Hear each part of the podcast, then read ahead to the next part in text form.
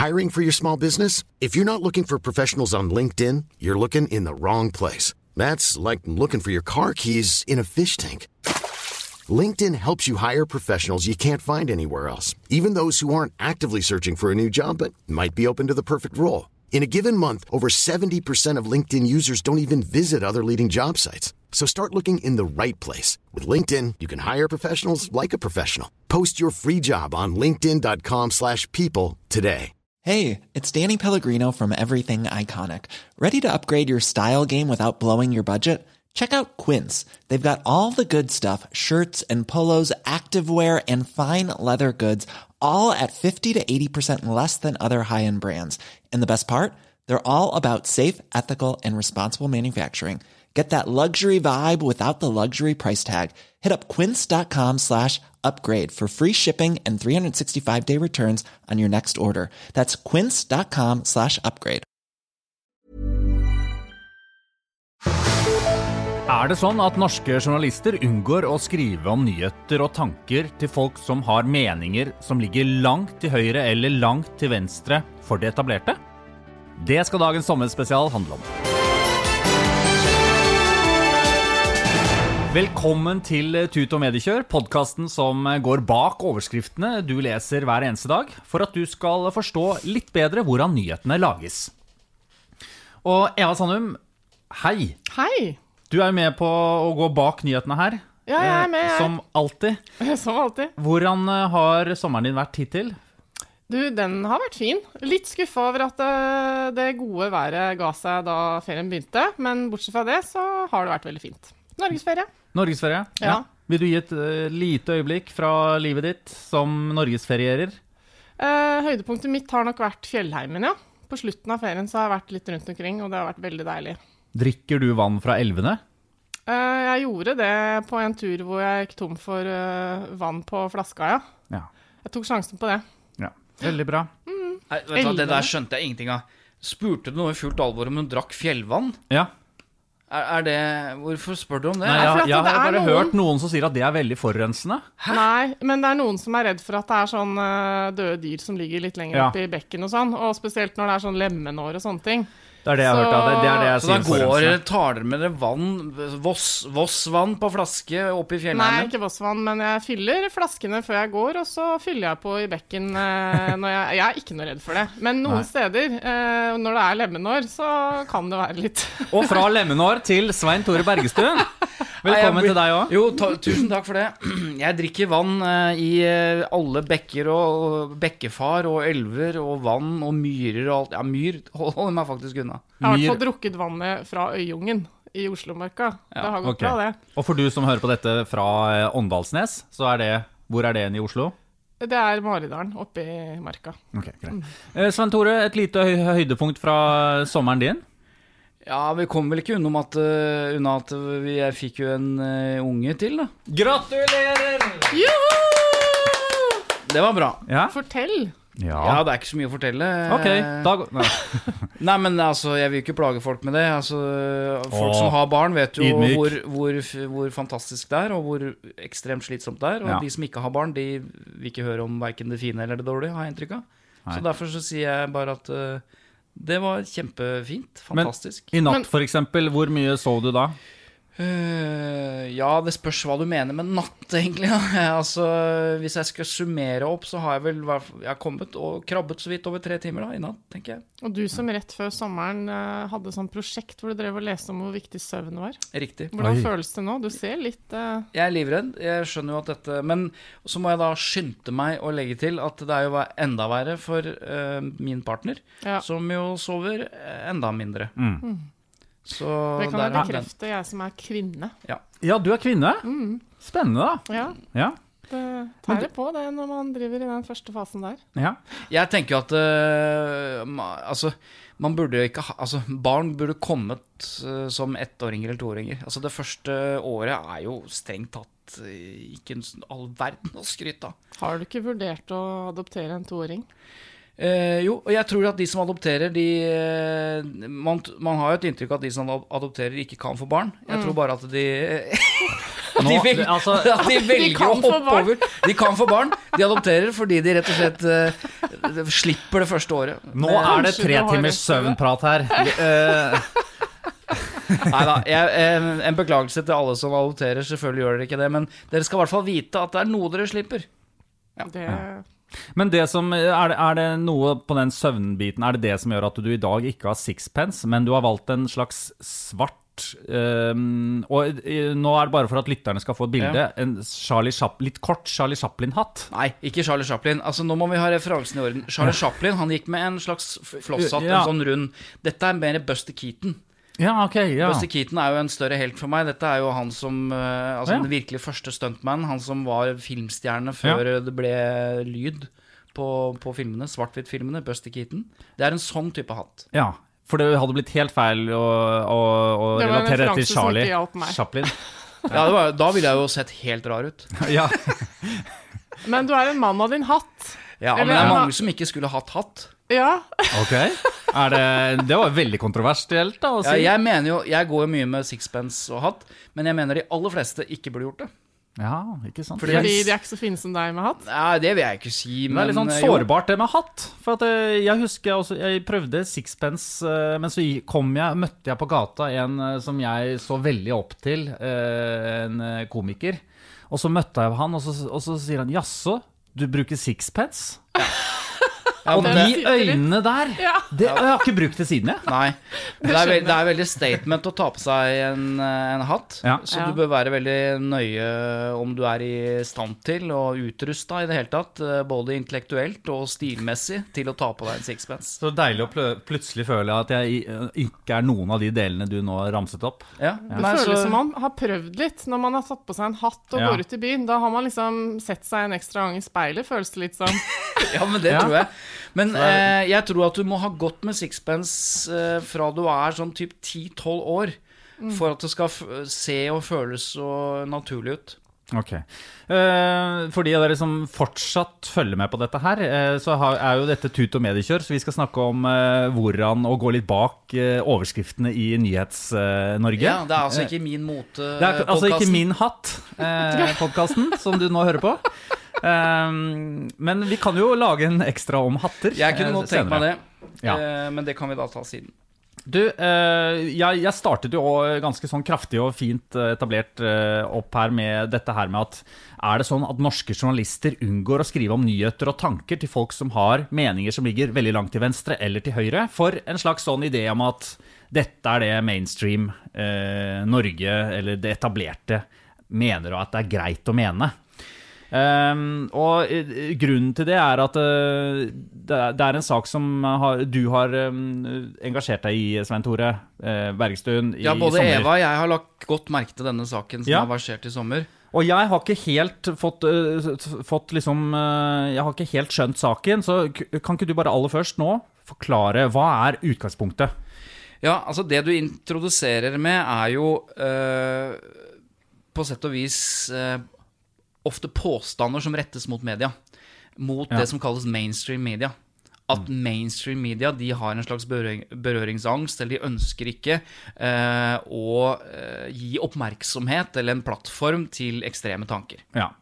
Eh, og det er påstander som kommer hele tiden eh, mot eh, etablerte redaktørstyrte medier. Og så Så var det en Spesielt konkret fra de som er kritiske til mediene, da. Ja, nettopp. Ikke sant? Og Og, og, sånn. Ja, så Ja. da tenker Ja. de at eh, Resett er en sånn eh, Det er et alternativt eh, medieorgan som jo da tvert imot eh, tar opp masse av de sakene som mainstream media ikke gjør. Og gir oppmerksomhet og stemmer til, til de som har eh, andre tanker, da. Ja. Og dette skjønte jeg jo, for jeg skre, eh, det, det var jo jeg selv som skrev denne introen, eh, så at jeg skjønte dette. Eh, Så den biten skjønte du. Den skjønte jeg. Men det var en konkret sak som gjorde Ja. at vi skulle snakke om dette nå. Og for, hvilken sak er det? Ja, og, da, og da, må vi, da må vi finne fram stigen, og så må vi gå langt opp i de liksom, intellektuelle eh, Ja. sfærer. Ja. For dette er altså snakk om eh, tidsskriftet Prosa, som, eh, som eh, utgis av eh, Norsk faglitterær forfatterforening. Altså, som er et tidsskrift som, som handler om sakprosa, altså dokumentarbøker og Og hva er sakprosa, Eva? Dokumentarbøker og ting som handler om ja, som i, Ja. ekte historier. ja. Sakprosa er en felles samlebetegnelse for alt som ikke er funnet på.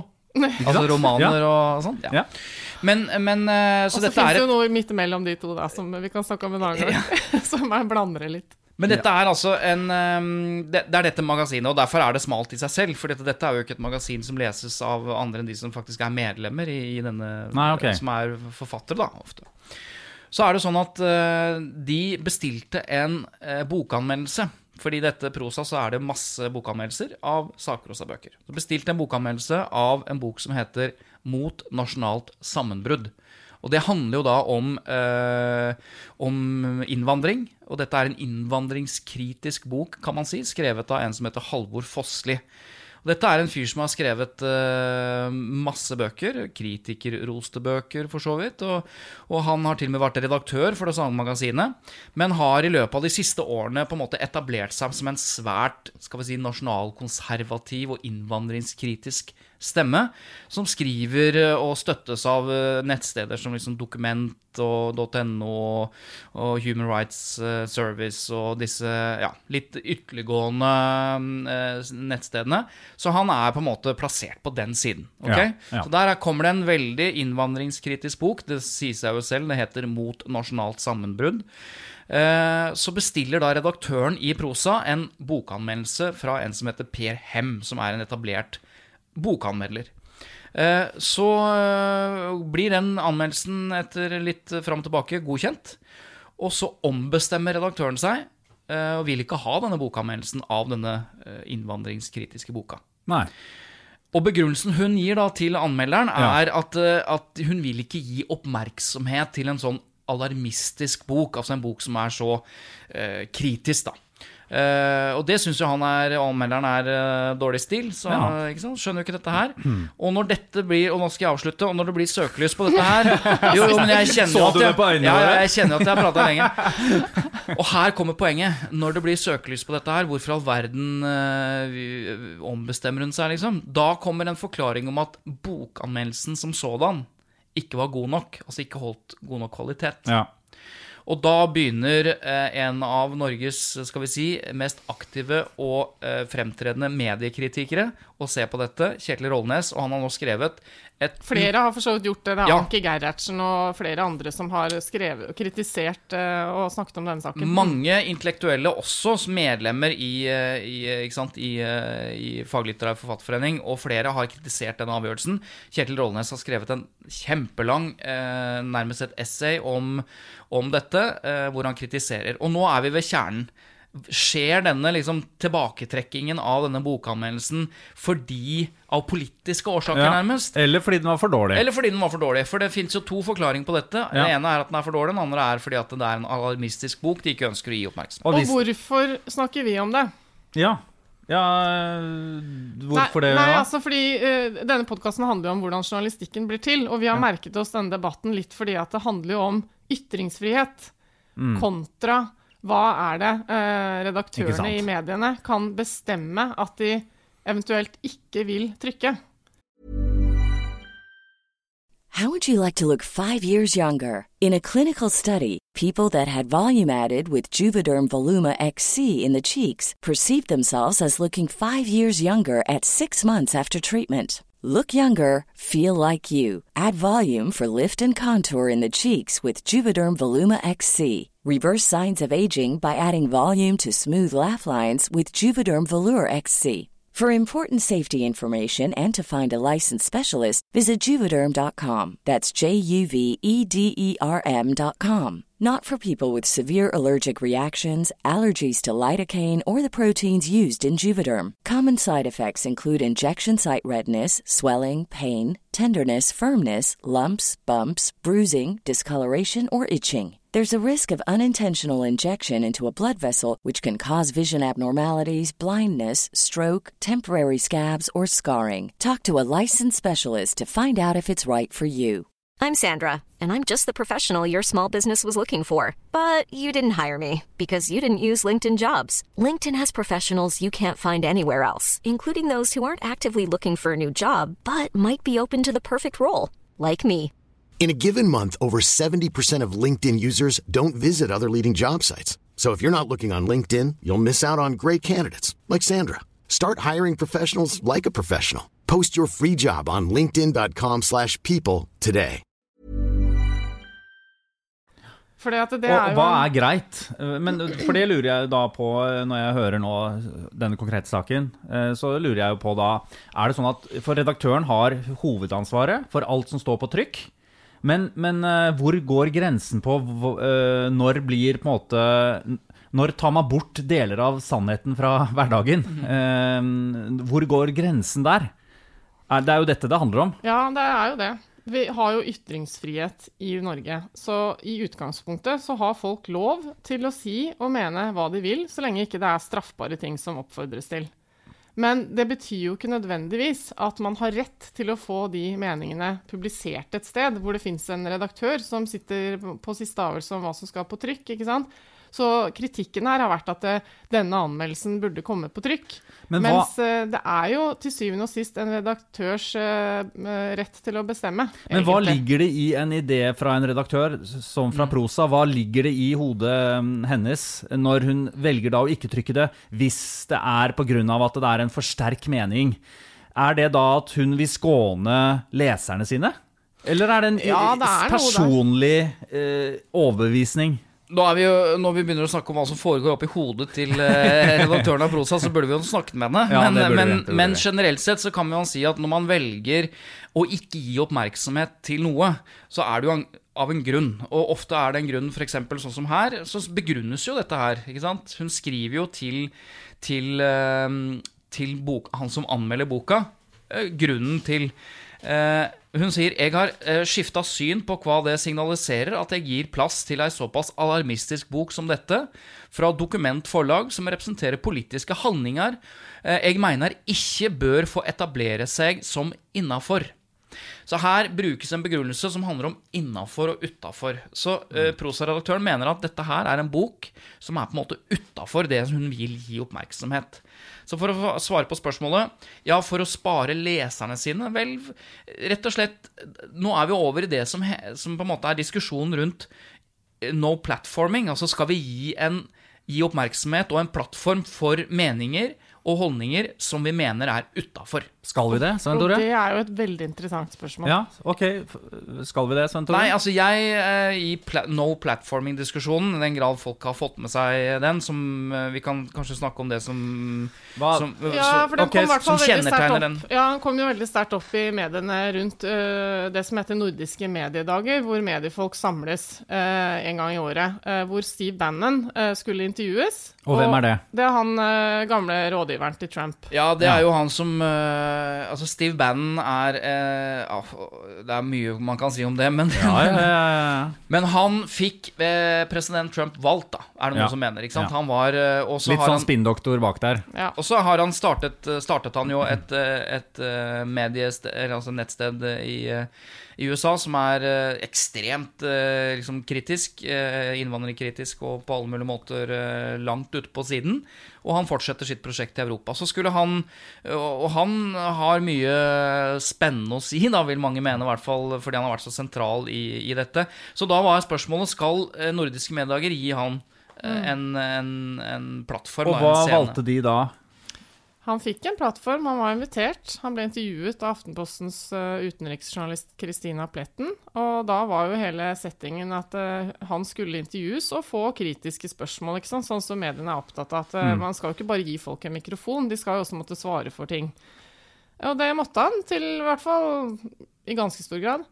Så det gikk vel greit, men det var mange som mente at han ikke burde få plass på den scenen. Rett og slett fordi man ikke bør gi en sånn stemme så mye oppmerksomhet eh, og så stor anledning til å påvirke folk med sine meninger. Ja, og, og det er jo fordi mange anser Steve Bannon som, eh, som eh, Selv om han sier at han ikke er det, så er han måte Men når høyreradikal og Ja. rasist og, og, og leker med fascistiske krefter.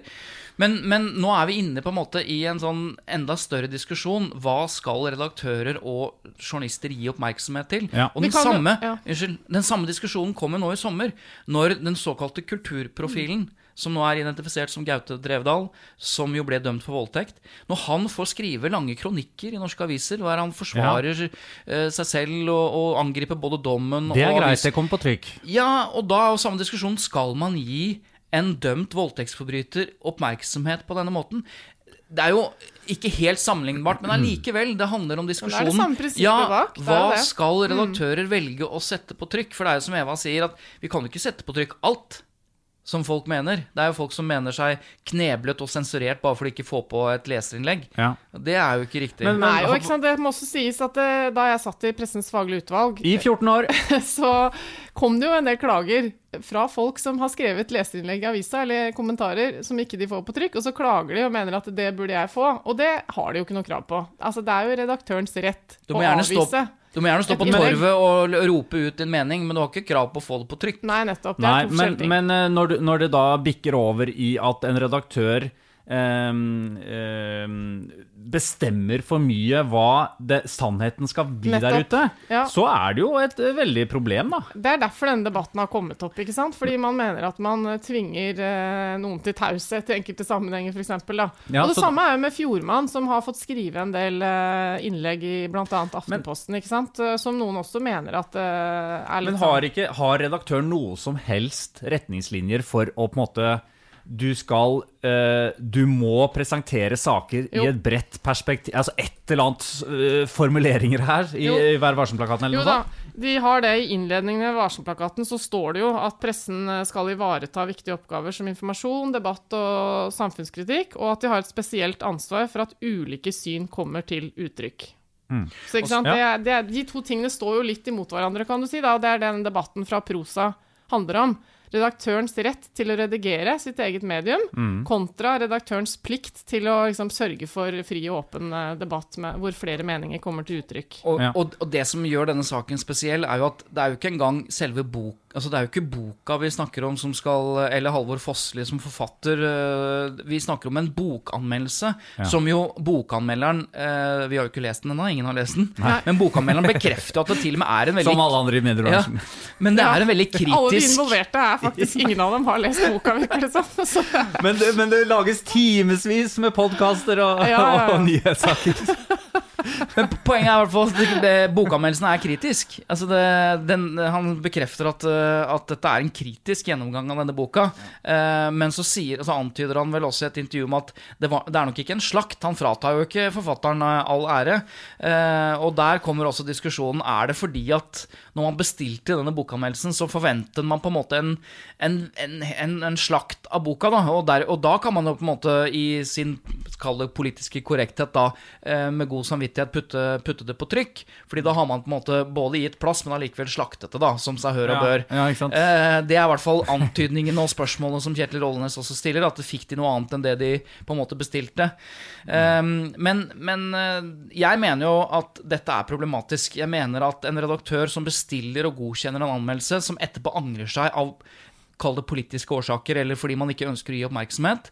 Eh, og så faller sin egen kritiker i ryggen ved å si at nei, det handlet ikke om det. eh, det handlet om at den er for dårlig, plutselig. Og da syns jeg det begynner å bli skikkelig uryddig eh, greier. Så jeg tenker at eh, Men jeg, jeg, når jeg eh, Men jeg dette tenker er ikke bra. Nei da. Jeg, eh, men altså, det kan jo være at eh, hun først prøvde å lage en, en litt sånn større formulering rundt det. fordi det er jo veldig pinlig hvis det er en anmeldelse som faktisk ikke er god nok. At hun da først begynner å sause mye med å si at dette var ikke riktig for vår profil i prosa og sånn. Ja, men, så, men så sier hun da i etterkant Men vet du hva? Det var faktisk at det var for dårlig. Men hør, hør på det. da. Du, du kan jo ikke som redaktør eh, bestille noe, og så får du Hvis du får noe dårlige greier, så tør du ikke å si at det er dårlig, så du finner på en annen grunn. Altså, det, det, det er jo ikke sånn du opererer. Konfliktskyhet er vel ja, det er eh, ikke helt uvanlig, Nei, men, men det, selvfølgelig, det burde ja, ikke være sånn i en sånn sånn da er det også kritikkverdig, da. Det, Ja, går, okay. det, det går ikke an å oppføre seg på den måten. Det er, det er realt. Hvis du, hvis du mener at du har bestilt en anmeldelse som du så angrer på, det er for så vidt realt, og, og du kan være uenig i det.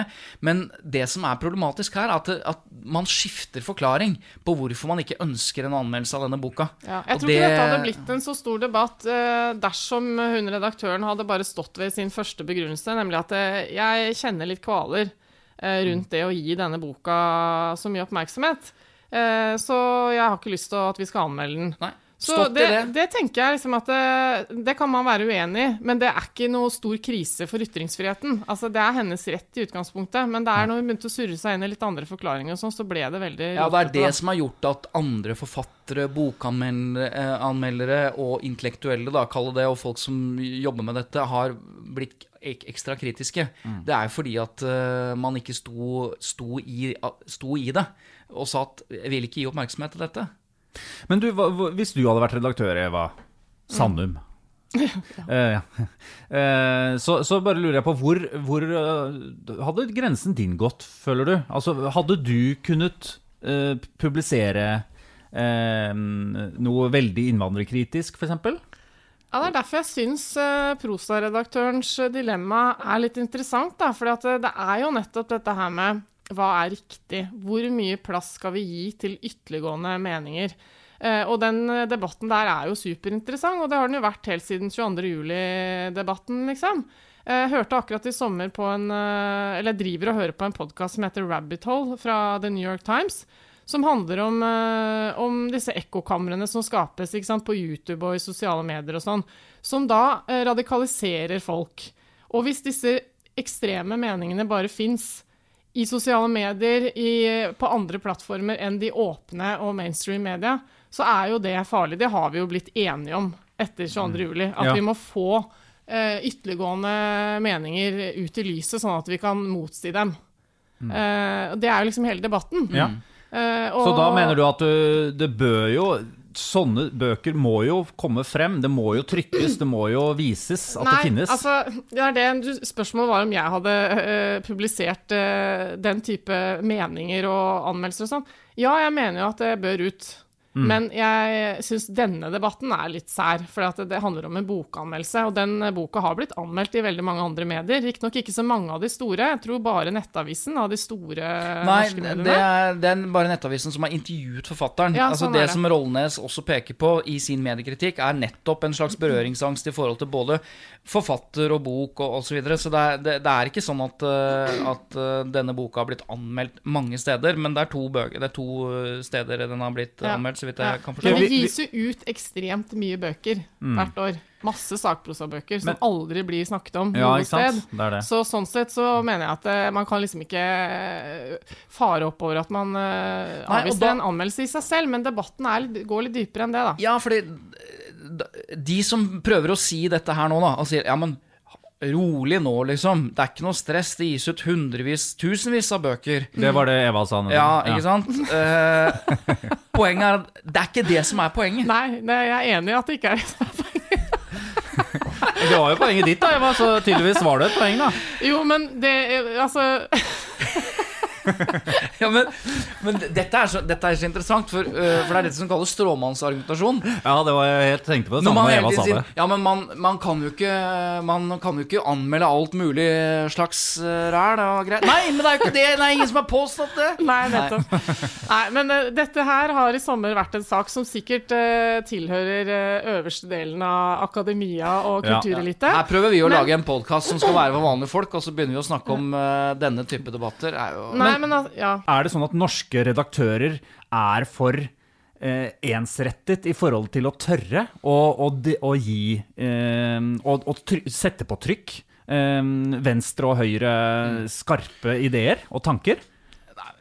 Jeg syns jo spørsmålet ditt er eh, Nei, jeg syns spørsmålet er dårlig. Eh, Ja, for jeg trodde først jeg syntes spørsmålet ditt er bra. Ja, det er det jeg pleier å si, at det er interessant i hvert fall. Men nei, eh, det går ikke noen klare grenser. Ofte så spør du, Christian, som er helt naturlig, om hvor går grensen? Du spurte Eva i stad. Hva, er- hva ville du gjort om denne type anmeldelser osv.? Ja. videre Poenget er at det, dette er jo en, en, en skjønnsmessig vurdering, en løpende diskusjon. Og det er ikke sånn at norske redaktører er sånn eller sånn. Noen norske redaktører mener jeg er livredde for å sette på trykk de ting de er redd for eller ikke liker. Og det Noen er jo i utgangspunktet fordi de har, føler et ansvar Ja, for og hva fordi de formidler. og fordi de strengt tatt har politiske oppfatninger som ligger på den siden at de, Ja. ikke sant? At de, at de er uenige. da De er så uenige at de ikke engang vil ha meningsmotstandere eh, sine Ja da, argumenter på trykk. Men andre redaktører er jo ikke redde for det i det hele tatt. Så dette er, jo, dette er jo et, det er jo et mediemangfold i Norge som jeg mener Og for å forsøke å besvare Jeg mener jo generelt sett at, uh, at det ikke er utpreget no platforming ute og går uh, i norske medier. Jeg mener at uh, de fleste meninger både til høyre og venstre og radikale og ikke-radikale kommer til uttrykk. Stort sett så går dette veldig fint i det mediemangfoldet vi har, mener jeg. Nå syns jeg dere var gode, for nå stilte du et typisk journalistspørsmål, som egentlig hvor du ønsker et veldig tabloid enkelt enkeltsvar, som kan bli en overskrift på nettavisa etterpå, sånn som det ofte er i debatter. Og så nekta Svein Tore å gå med på det, og krevde et nyansert svar. Sånn skal det være. Så hamret han tilbake, og så det var et dårlig spørsmål. Ja, men det sier jeg bare for jeg kjenner deg. Jeg, kan jo ikke si det til vanlige folk og si at nå stilte du et dårlig spørsmål. Tenker du ofte at mange, men, mange har dårlige spørsmål? Åh, så det skal sier jeg love at han tenker. Det Er- er sier han jo så ofte. Han, har jo skrevet, han skriver jo bok om det. 8 av spørsmålene som stilles, er jo, kunne jo vært bedre. Ja, ja, ja. Denne Du- boka di eh, som du snart Altså, vi må ha en uh, diskusjon om dette med å stille bedre spørsmål. eh, Ja, men Vi har jo vår faste spalte, men dette er jo sommerspesial, så den Ja. er jo ikke oppe og går nå. Eh, men den kommer uh, i en episode snart. Vi kommer Ja. tilbake til det. ukens aller aller verste journalistspørsmål. Men vi Dere, et, vi må gå videre, ja. eh, fordi vi har jo også fått inn et lytterspørsmål. Eh, det er eh, Bjørn. Tusen takk, eh, Bjørn. Og tusen takk til alle dere andre som sender inn spørsmål til tut at lydeproduksjoner.no. Det er det at og punktum. Ja, du er ikke helt konsistent. Nei, det, det går opp og ned. Og dette er sommerspesial, så da er alt litt sånn Det er litt deilig, det der. Ja, det det er litt så sånn deilig. lavere skuldre. Ja, det er sånn sommerspesial. Sett sommer foran, så kan du slappe av lite grann. Ja, det gjør jo alle redaksjoner, har jeg Ja, lagt merke til. det. Det er en ting jeg lurer litt på. Hvorfor skal alt på pause om sommeren? Og da mener jeg ikke i de tre ukene i fellesferien, men uh, i sånn to måneder før sommeren så begynner alle faste program på TV å ta sommerferie, gjør det ikke det? Jo. Det, Du det, det syns jeg er litt rart. Egentlig, hvis man skal være sånn, så bør det være motsatt. Altså, det er i sommer man har tid til å konsumere ting og sånn. Ja, men selvfølgelig, folk må jo få lov til å ha ferie. Ja, men dette er folk i media. Når det, med, når det gjelder TV, så er det veldig enkelt, og spesielt kommersiell TV. Fordi det å ha masse programmer som koster masse penger å lage, ha det på sommeren, det er det samme som å fyre for kråka. Ja da. Altså, så langt klarer jeg å resonnere også, men Men du stiller spørsmål allikevel. ja da. På vegne av mange, tror jeg. Ja, ja. Men uh, ja, nei, men sånn er det jo. Det er, uh, om sommeren så ser vi mindre på TV. Men Så det er jo derfor- også ja, litt vi- interessant med mediene også. Uh, hvordan er det de redaksjonene fungerer om sommeren, når de fleste redaktører og gode journalister og kommentatorer er på ferie? Da er det sommervikarer som Det er styrer. det. Mm. Ja.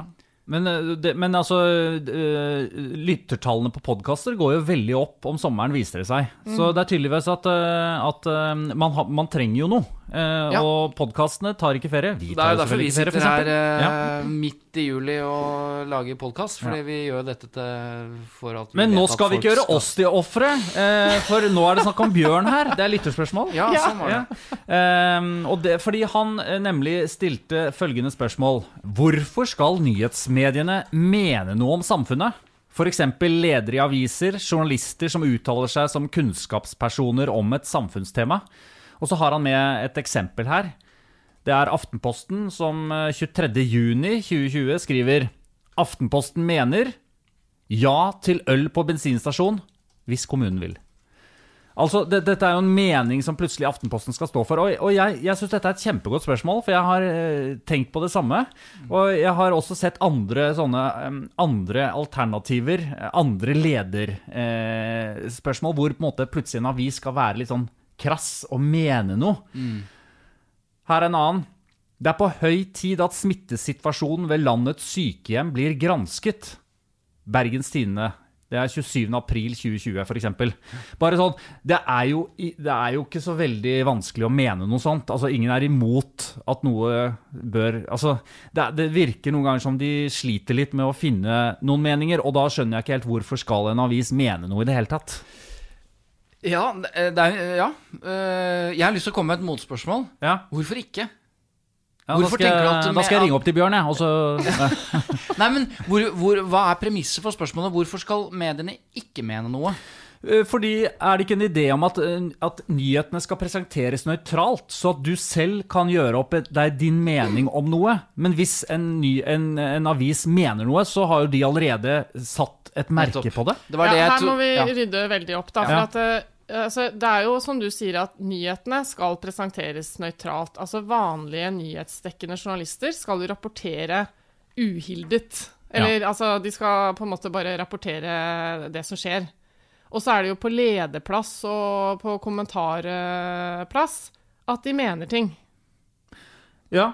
Og det er jo veldig fint å få rydda opp i, for det, det, er jo ting jeg veit. Fordi at jeg har sittet og jobba med sånn klager i PFU i mange år og sånn. Men dette er ikke noe som folk nødvendigvis, tror jeg, reflekterer så mye over. Ja, nei, det, vet, det, nei Altså- det er vanskelig å, å vite, egentlig. Men i en vanlig diskusjon med folk så oppfatter jeg at de ser forskjellen på journalistikk, som er da skal være objektiv, som du sier. Ikke bare rapportere, men også grave fram og stille kritiske spørsmål og finne ut av ting og sånn. Da skal jo ikke journalisten som skriver om den saken, mene noe om saken. Det, tvert imot. Det vil være brudd på det, Det etiske regelverket. Men Absolutt. Eh, som Eva sier, i lederartiklene, altså det som redaktørene mener på lederplass eller kommentarstoff, eh, så skal man mene noe. Og du spør hvorfor? Ja, eh, det enkle, Eller Bjørn spør. Ja, Bjørn spør. Det enkle svaret på det er at det er pressens oppgave. Det står nedfelt i både eh, Vær varsom-plakaten, redaktørplakaten. Det er en viktig del av pressens oppgave. Det er å ikke bare stille kritiske spørsmål som journalister, men stille kritiske spørsmål og mene noe, og sette i gang og stimulere til debatt. For man kan stille spørsmål på en annen måte. Hvis mediene ikke skal mene noe, og stille spørsmål og, og, og, og stimulere til den type offentlig debatt, hvem skal da gjøre det? Ikke sant? Og så kan man si jo, men fagpersoner må gjøre det. Ja. For det man ofte reagerer på når, når mediene mener noe, så stiller man spørsmål ja, men er de kvalifisert til å mene dette. Ja. Ikke sant? Og det trenger man ikke å være. Ikke for å me Hvis en avis skal mene noe, så er det ofte et, det kan være et verdispørsmål. Det kan være at mediene som er opptatt av ytringsfrihet, pressefrihet og mange av de liksom store ordene i samfunnet, det er deres oppgave å mene noe om det for nettopp å stimulere til debatt. Da. Sånn oppfatter jeg i hvert fall den oppgaven. Ja. Men, men jo, jeg, det, det syns jeg er veldig bra, men samtidig og jeg, jeg, jeg skjønner jo, klarer jo ikke helt å Hvis en leder f.eks. da i Bergens Tidende Det er på høy tid at smittesituasjonen ved landets sykehjem blir gransket. Hvis da de da i, på side Dette var på side én, leder. På side tre har de en sak om eh, skal sykehjemmene bli gransket eller ikke. Så- Og så har de hanket inn forskjellige typer personer som mener noe om det. Er det ikke da veldig enkelt å tenke at eh, ja, men Vent nå litt. Hva, nå vet jo jeg veldig klart hva avisen mener om dette, og så Ja. leser jeg avisen, og, og så prøver de å være nøytrale, og så viser de meg Ja, det bygger jo på forutsetningen at folk skal akseptere og forstå forskjellen på hva en redaktør mener på, eh, på lederplass, og hva eh, oppgaven til en journalist er. Så journalisten er helt uavhengig av hvilken avis eh, den personen jobber i. Det er journalisten som skal være nøytral. Ja, avisen trenger ikke å være nøytral i det hele tatt. Nei, men jeg tror eh, Jeg tror eh, kanskje at meninger i avisene nå til dags eh, blir hengt mer på personene som skriver dem. Jeg tror kanskje at det, det er mindre oppfatning i, der ute om at den avisen har følgende mening om forskjellige saker. Jeg tror det er liksom kommentatorer og redaktører som skriver at ikke folk sitter og tenker at Morgenbladet mener sånn, eh, VG mener Mm. sånn, Dagbladet mener sånn. Men selvfølgelig, det er noen retninger. eh, ulik- klass, man vet hvor Klassekampen står. Man vet at eh, Morgenbladet Nasjonen, står Vårt her. Land, det er noe- det at det det er noen noen- eh, verdier i bunnen av noen av, av eh, publikasjonene. da. Men, ø, og det er jo sånn at i en og samme avis, f.eks. VG, så har man jo opplevd, man har gjort et poeng ut av, at ulike eh, kommentatorer mener ulike ting. Ikke sant? Og da er det som Eva sier, det er et navn. Ja. Eh, han mener dette, hun mener dette. Astrid Mæland i VG skriver en kommentar hvor hun er veldig tydelig på dette. Så kan f.eks. Hans Petter Sjøli i samme avis mene noe annet, da. Så det er det jo rom for. Men når lederartikkelen skrives, så skal det være et uttrykk for hva avisas standpunkt er. Men jeg skjønner at lesere kan bli litt sånn forvirret av dette, fordi det skal forholde seg til på sett og vis i hvert fall tre ulike eh, ting. da. Lederartikkelen, hva VG mener, eh, hva kommentatorene mener, og nyhetsjournalistikken, hvor det ikke skal være noe mening, Det er men jo som skal helst være andres meninger som har kommet til uttrykk. Og la oss slenge på en til. Det står jo også meninger og kommentarer og kronikker i den samme avisen som er signert andre, altså deg og meg. Og det har vi, og Eva har vært inne på det i tidligere episoder, nå har man begynt å merke det veldig tydelig. Ja, at det er dette sant. er en ekstern bidragsyter, og meningene hans eller henne står for eh, Og det er jo et signal på nettopp eh, at det kanskje er litt uklarhet da, om hva som er Altså, hvem mener hva? og Er det avisen, er det kommentatorene, er det eksterne skribenter, og hva da med journalistikken? Så det er klart at jeg tror nok at mediene får gi deg rett da, i selve premisset for spørsmålet. Jeg tror nok mediene tar nok litt lett på uh, dette, i den forstand at jeg tror nok at for mange redaktører og journalister så er det så åpenbart uh, dette forskjell, eller skillet mellom meningsstoff, kommentarstoff, lederstoff og journalistikk. Men uh, siden da Bjørn spør hvorfor skal de mene noe, så har vi spurt Fridtjof Jacobsen, tidligere politisk redaktør i VG, nå politisk redaktør i Dagens Næringsliv, hvorfor de skal mene. Og legg merke til eh, hvor selvfølgelig det er for han, for han begynner svaret på denne måten. Ja, nei, det kan du si. Eh, nei, altså det eh, Meningsjournalistikk og kommentar og analyse tror jeg bidrar til å eh, altså det, det er også en, en kanal, en viktig sånn For det første er en del av den løpende debatten om saker i samfunnet. Eh, som kan få på meninger, analyser og kommentarer til ting som skjer i samfunnet som man ikke eh, ja, som jeg tror kan være et verdifullt tillegg. fordi ja, man diskuterer saker, og det, er, det tror jeg er naturlig at også det skjer i en avis. Du kan bidra til økt forståelse og økt engasjement rett og slett rundt viktige saker i samfunnet. Dette var Fridtjof Jacobsen, som er politisk eh, redaktør i eh, Dagens Næringsliv. Ja. Det, er jo, det er jo kanskje noe med eh, hva avisene mener noe om. altså Eksempelet som Bjørn sendte inn, var jo på en måte ja til øl på bensinstasjon hvis kommunen vil. Det er kanskje viktigheten av sakene som noen ganger blir litt komisk, disse meningene som avisene skal ha. Altså at det, hvor, hvor små meninger skal de kunne Ja. ha? Ja, øh, det kan man godt si. Jeg, jeg tenker at man øh, Jeg er enig med Fridtjof Ja- Jacobsen at det at øh, aviser mener noe, enten kommentarer eller på lederplass, det stimulerer til debatt. Det Offentlig det, det debatt, og det det. stimulerer til engasjement.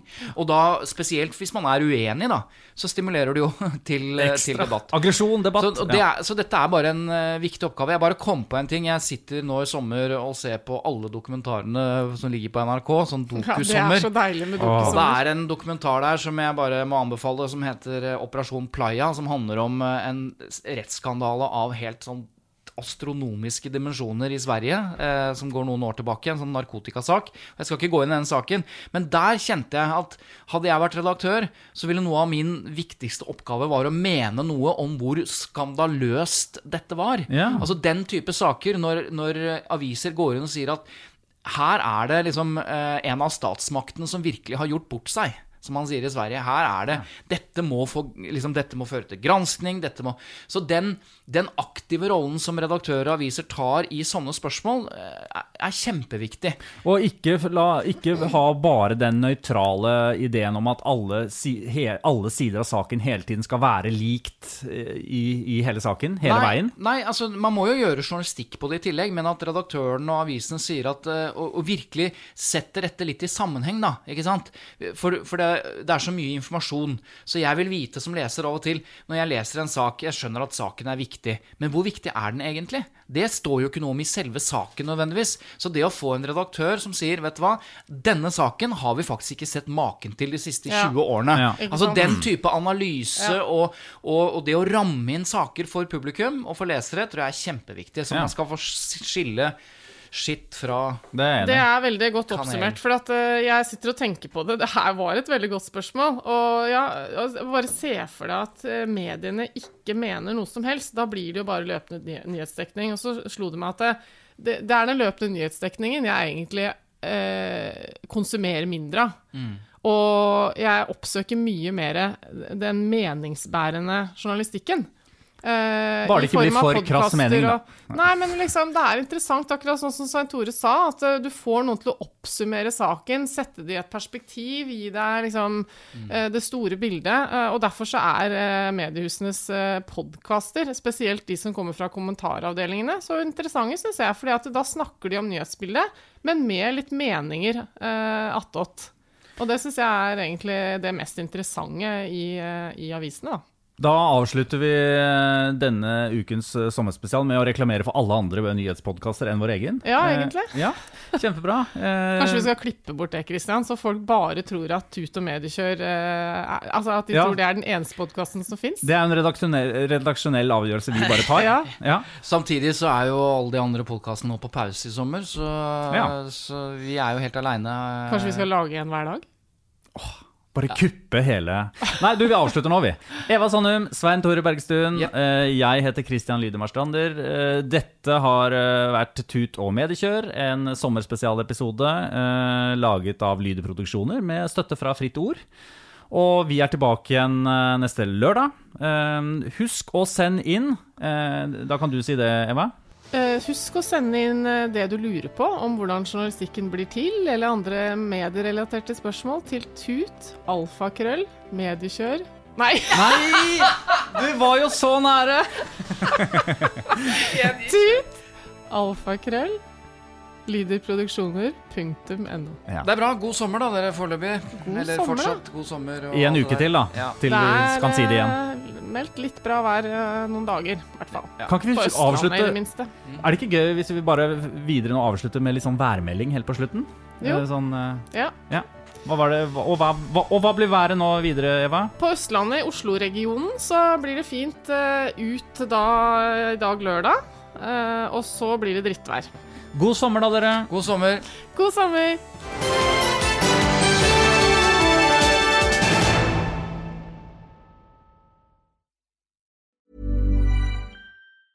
Hi, I'm Daniel, founder of Pretty Litter. Did you know cats tend to hide symptoms of sickness and pain? I learned this the hard way after losing my cat, Gingy. So I created Pretty Litter, a health monitoring litter that helps detect early signs of illness by changing colors, saving you money and potentially your cat's life. Pretty Litter is veterinarian developed, and it's the easiest way to keep tabs on your fur baby's health right at home. Go to prettylitter.com and use code ACAST for 20% off your first order and a free cat toy. Terms and conditions apply. See site for details.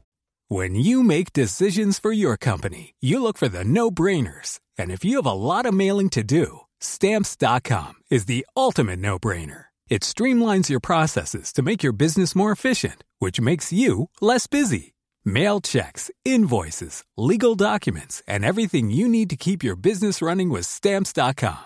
Seamlessly connect with every major marketplace and shopping cart. Schedule package pickups and see your cheapest and fastest shipping options from different carriers. With rates up to 89% off USPS and UPS rates. And with the Stamps.com mobile app, you can take care of mailing and shipping wherever you are. Make the same no-brainer decision as over 1 million other businesses with Stamps.com. Sign up with Code PROGRAM for a four-week trial, plus free postage and a free digital scale. No long-term commitments or contracts. That's Stamps.com. Code PROGRAM.